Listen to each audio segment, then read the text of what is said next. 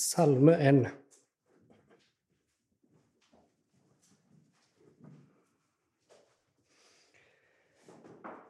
Hør Herrens ord. Salig er den mann som ikke vandrer etter ugudeliges råd, og som ikke står på synderes vei eller sitter på spotteres sete, men som har sin lyst i Herrens lov og grunner på, det, på Hans lov dag og natt. Han skal være lik et tre plantet ved strømmer av vann, som gir sin frukt i sin tid, og som har blader som ikke visner, og alt han gjør, skal lykkes. Slik er det ikke med de ugudelige. De er lik agnene som vinden blåser bort. Derfor skal ikke de ugudelige bli stående i dommen, og heller ikke syndere i de rettferdiges menighet. For Herren kjenner de rettferdiges vei, men de ugudeliges vei fører til fortapelse. Så langt lesing av Guds ord.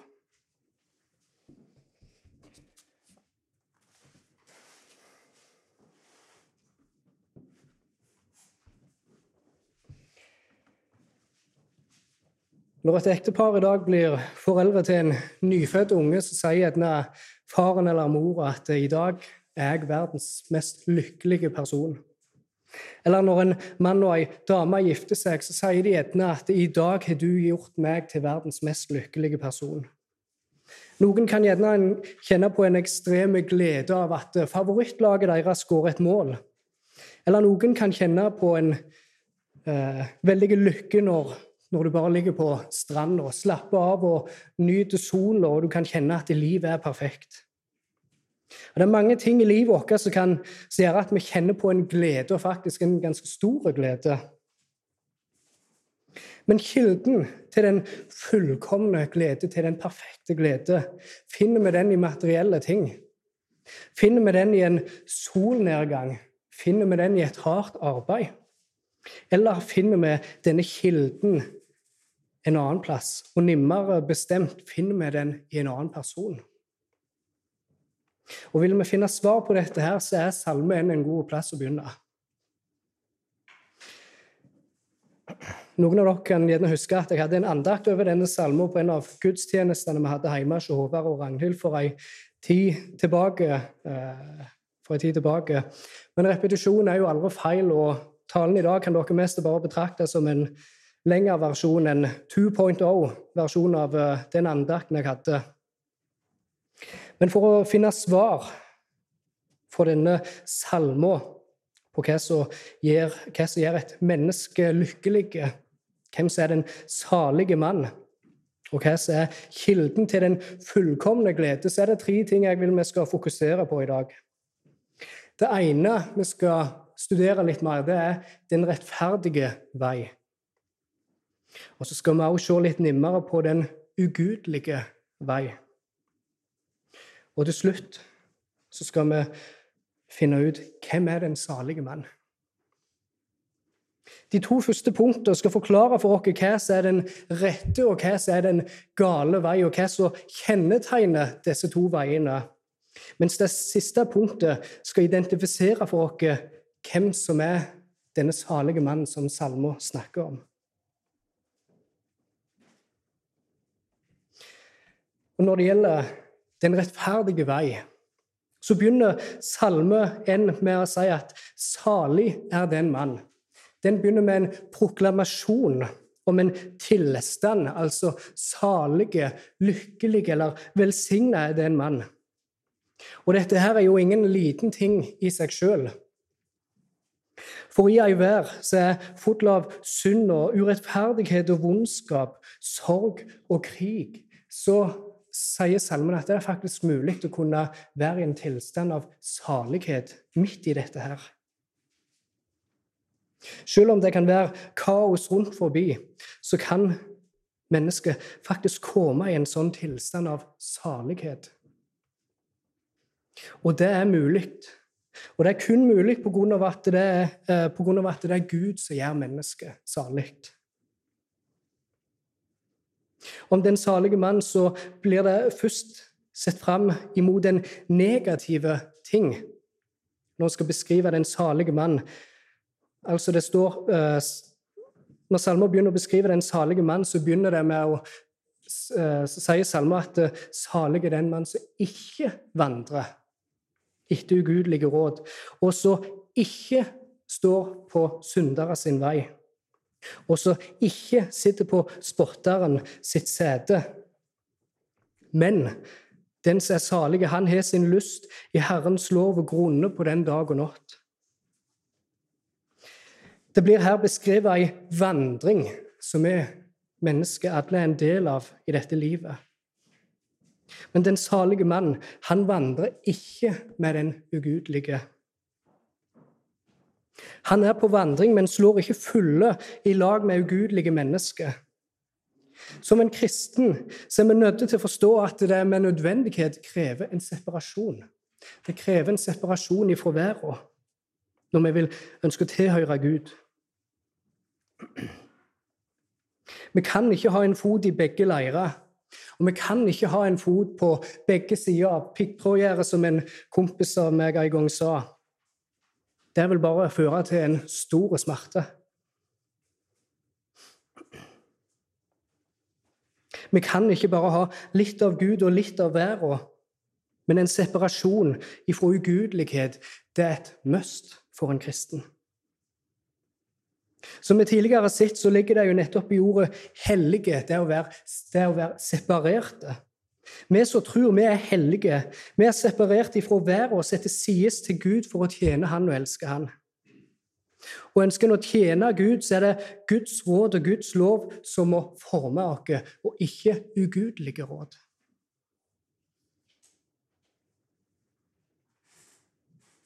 Men vi lever jo tross alt i en verden som er preget av mye synd og vondskap. Og vi har også mennesker i vår nimmeste krets, både venner og familie, som ikke tror det samme som vi gjør, som ikke tror på Jesus sånn som vi gjør. Og hvis vi da ikke skal være i nærheten av det som har med denne verden å gjøre, så kan en del tenke at da må vi bare komme oss langt vekk fra denne verden.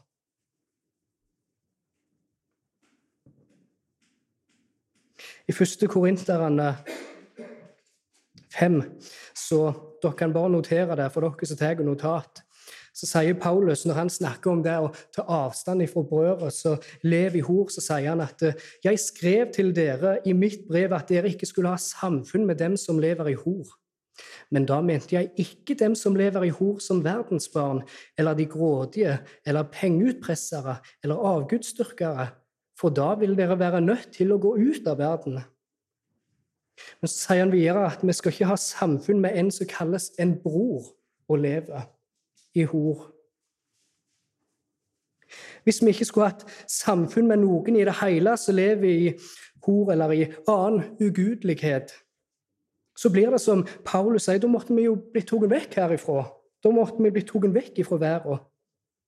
For ugudelige mennesker er jo rundt forbi oss overalt.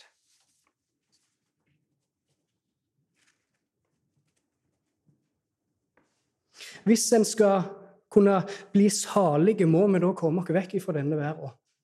Må vi vekk herifra. Da er det viktig å huske på Jesus sine egne ord når han ba, eh, når han ba sin ypperste prestelige bønn i Johannes 17. Der ber han for disiplene sine, og han ber også for de som skal komme til tro. Alle de som skal komme til, til tro med apostlene sitt ord. Jesus han ba for disiplene sine, og han sa bl.a. at eh, mens han var sammen med, med dem i verden, så bevarte han dem. Ingen gikk fortapt utenom Judas for at skriftene skulle bli oppfylt. Han ba om at de skulle ha hans glede fullkommen i seg. Han hadde gitt dem hans ord, og det står av der at verden hata dem på grunn av at de, altså disiplene hans, de var ikke av denne verden, litt som Jesus var ikke av denne verden. Og så sier Jesus også i vers 15 av Johannes 17, når han ber til Faderen, 'Jeg ber ikke om at du skal ta dem ut av verden, men at du skal bevare dem fra, uh, fra det onde'. Jesus' sin bønn for sine disipler var at de ikke måtte bli tatt vekk ifra jorda men at de måtte bli bevart fra den vonde, ifra den ugudelige vei. Den som er salige, Han vandrer ikke. Han vandrer ikke på den vonde vei, men han blir bevart.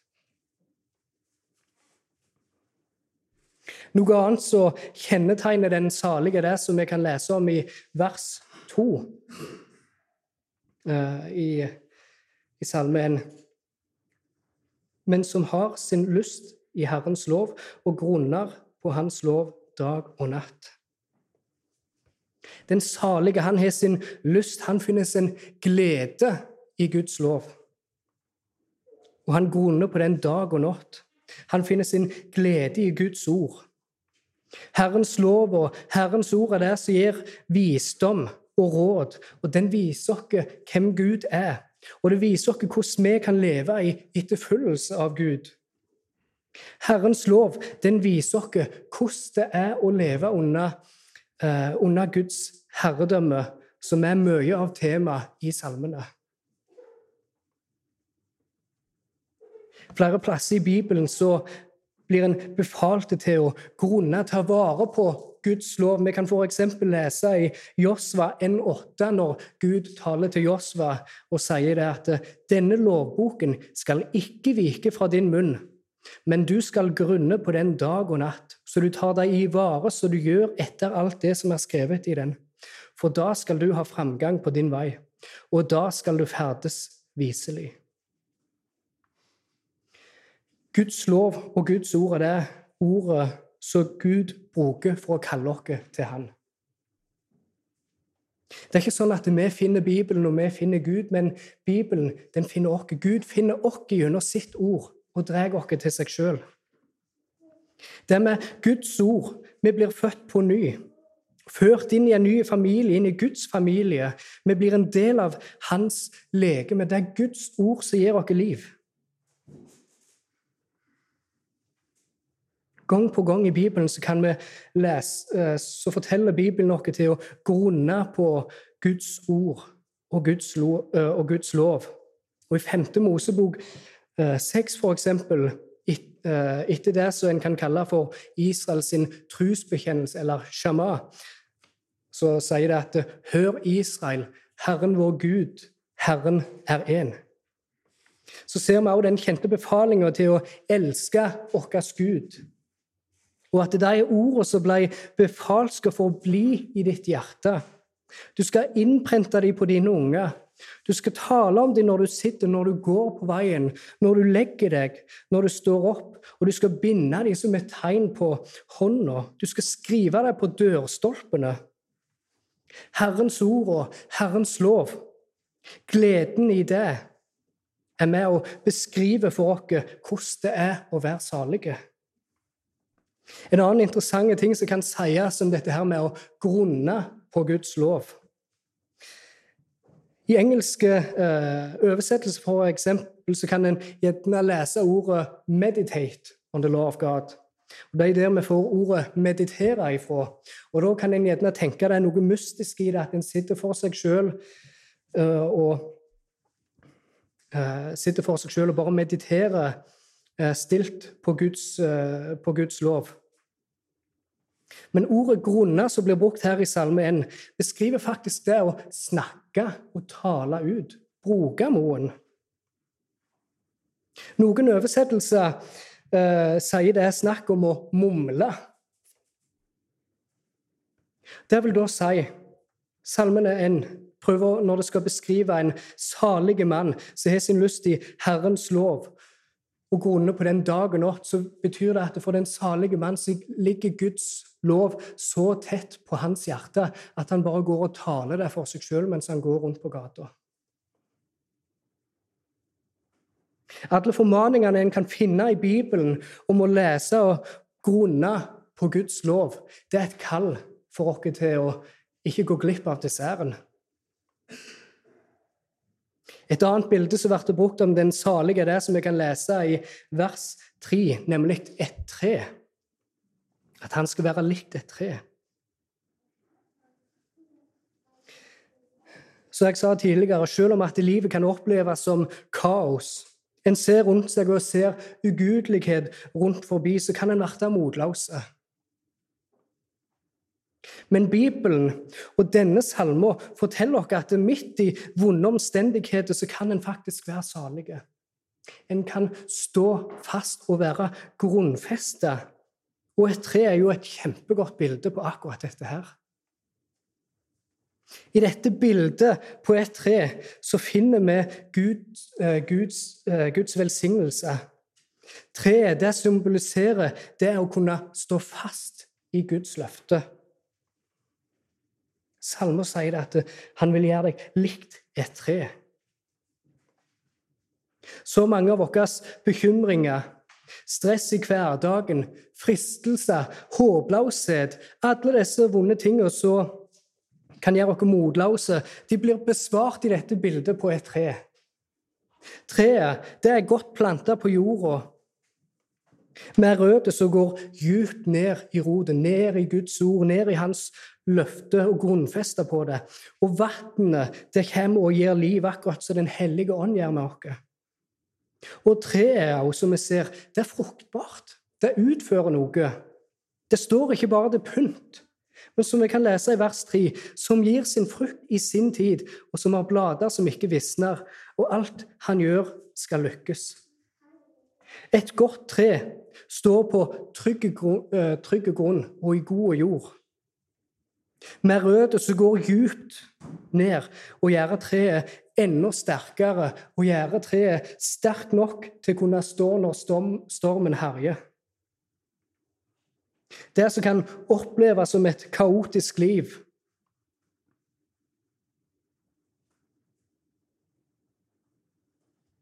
Selv om en kan oppleve et kaotisk liv, så kan en likevel finne trøst i dette bildet på et tre, og hva det symboliserer for oss. En kan finne trøst i at det er dette Herren gjør med den salige.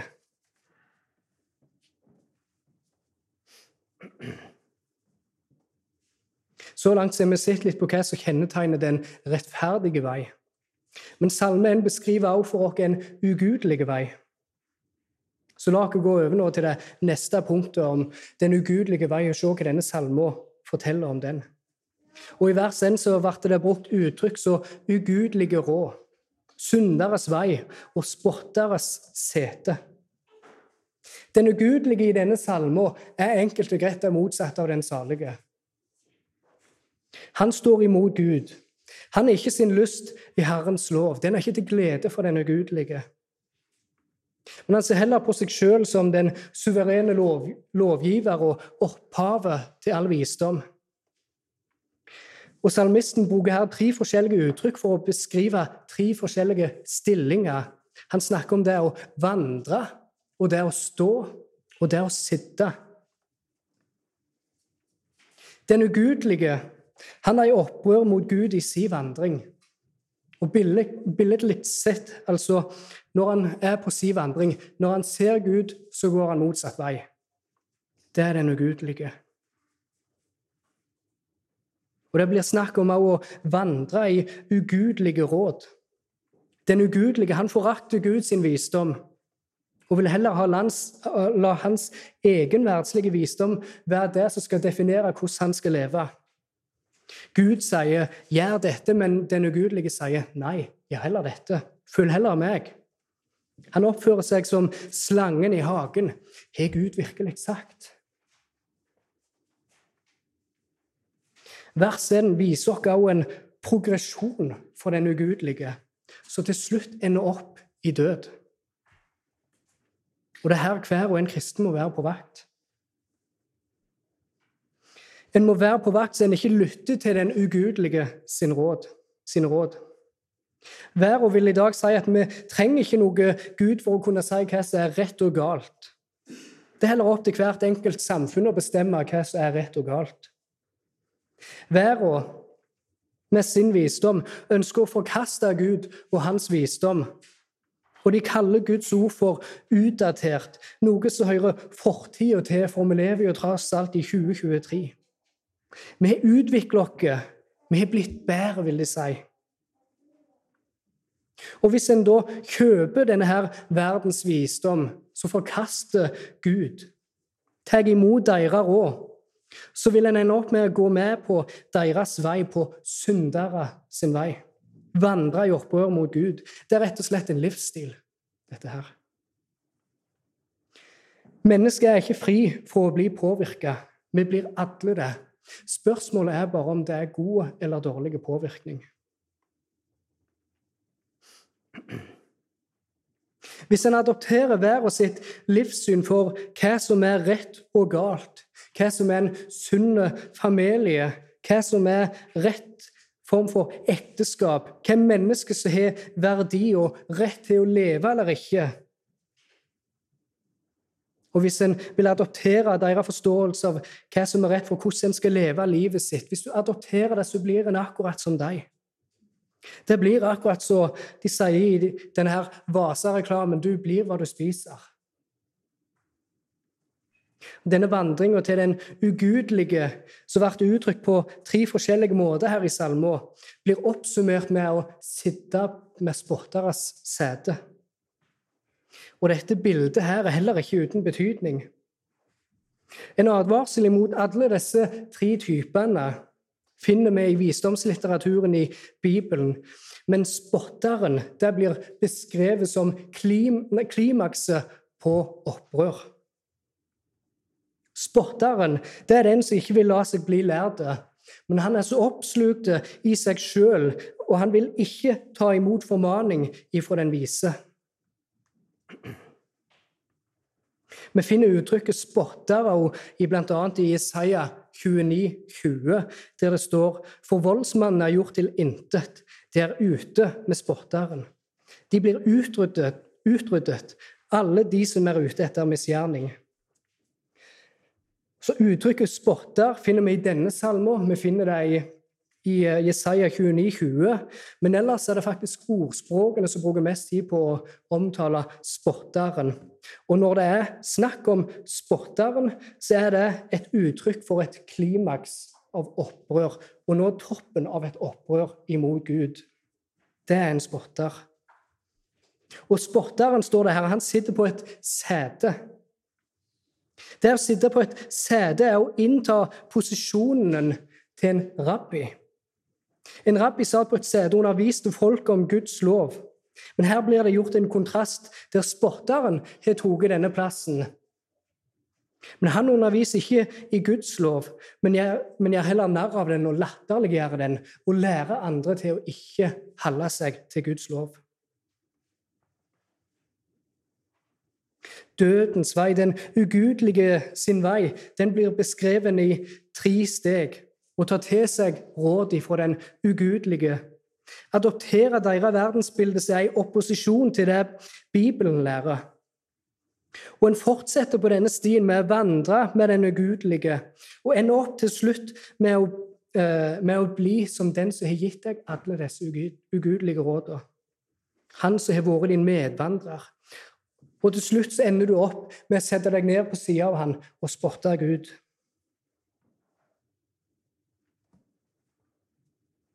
Slutten av vers 3 om den salige mann som sier at alt han gjør, skal lykkes. Og så i neste vers sånn er det ikke med den ugudelige. Det står det at de er lik agnene som vinden blåser bort. Den ugudelige er ikke som et tre. Den står ikke grunnfesta. Den ugudelige sitt liv, den flyter bare med, svever. Det ser gjerne ut for ei tid til at den ugudelige kan dominere. Men etter hvert er han der ikke lenger. Han blæser vekk, han blir dreven vekk. Og den ugudelige sin vei fører ultimat sett til fortapelse, som vi kan lese i slutten av salmen.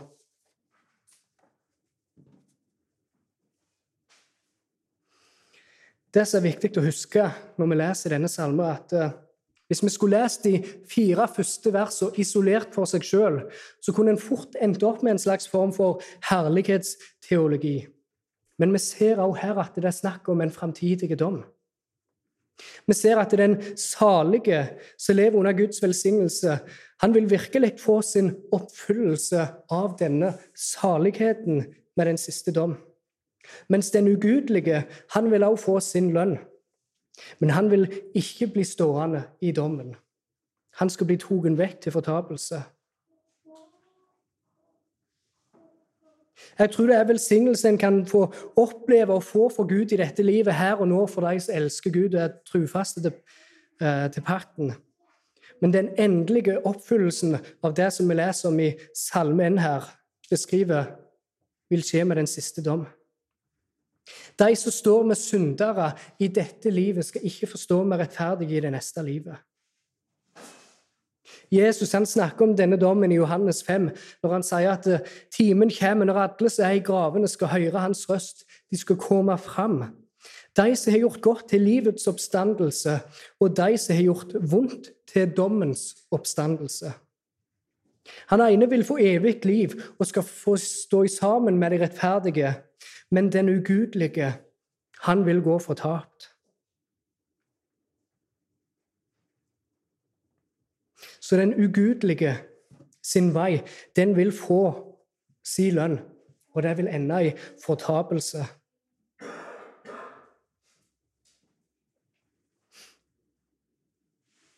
Vi brukte litt tid nå på å se på hva, eh, hva beskrivelse denne salmen gjør på den rettferdige vei og den ugudelige vei. Men denne salmen har også et objekt, som vi leser i vers 1. Salig er den mann.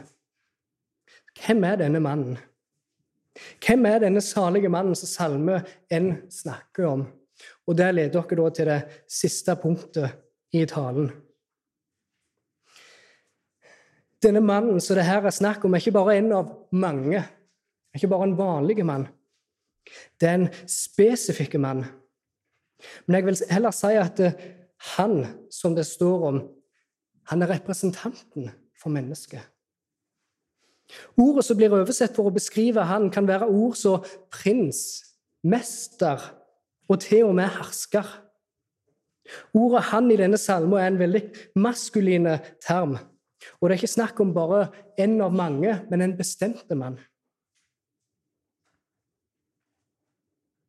Vers 3 sier at den salige mann han skal være likt et tre. Det blir brukt et bilde fra en hage. Og det var i en hage at eh, Guds herredømme på jord begynte. Og dette herredømmet skulle være gjennom en representant, Adam. Men Adam, som vi vet, han feila. Han, han synda, og han fulgte slangen sitt råd.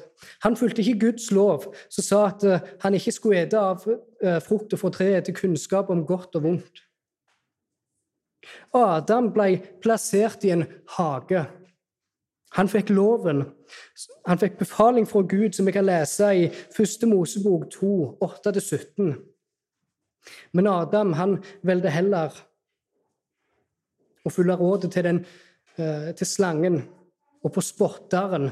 Og vi ser konsekvensen av dette her var død, som vi kan lese om i 1. Mosebok 3.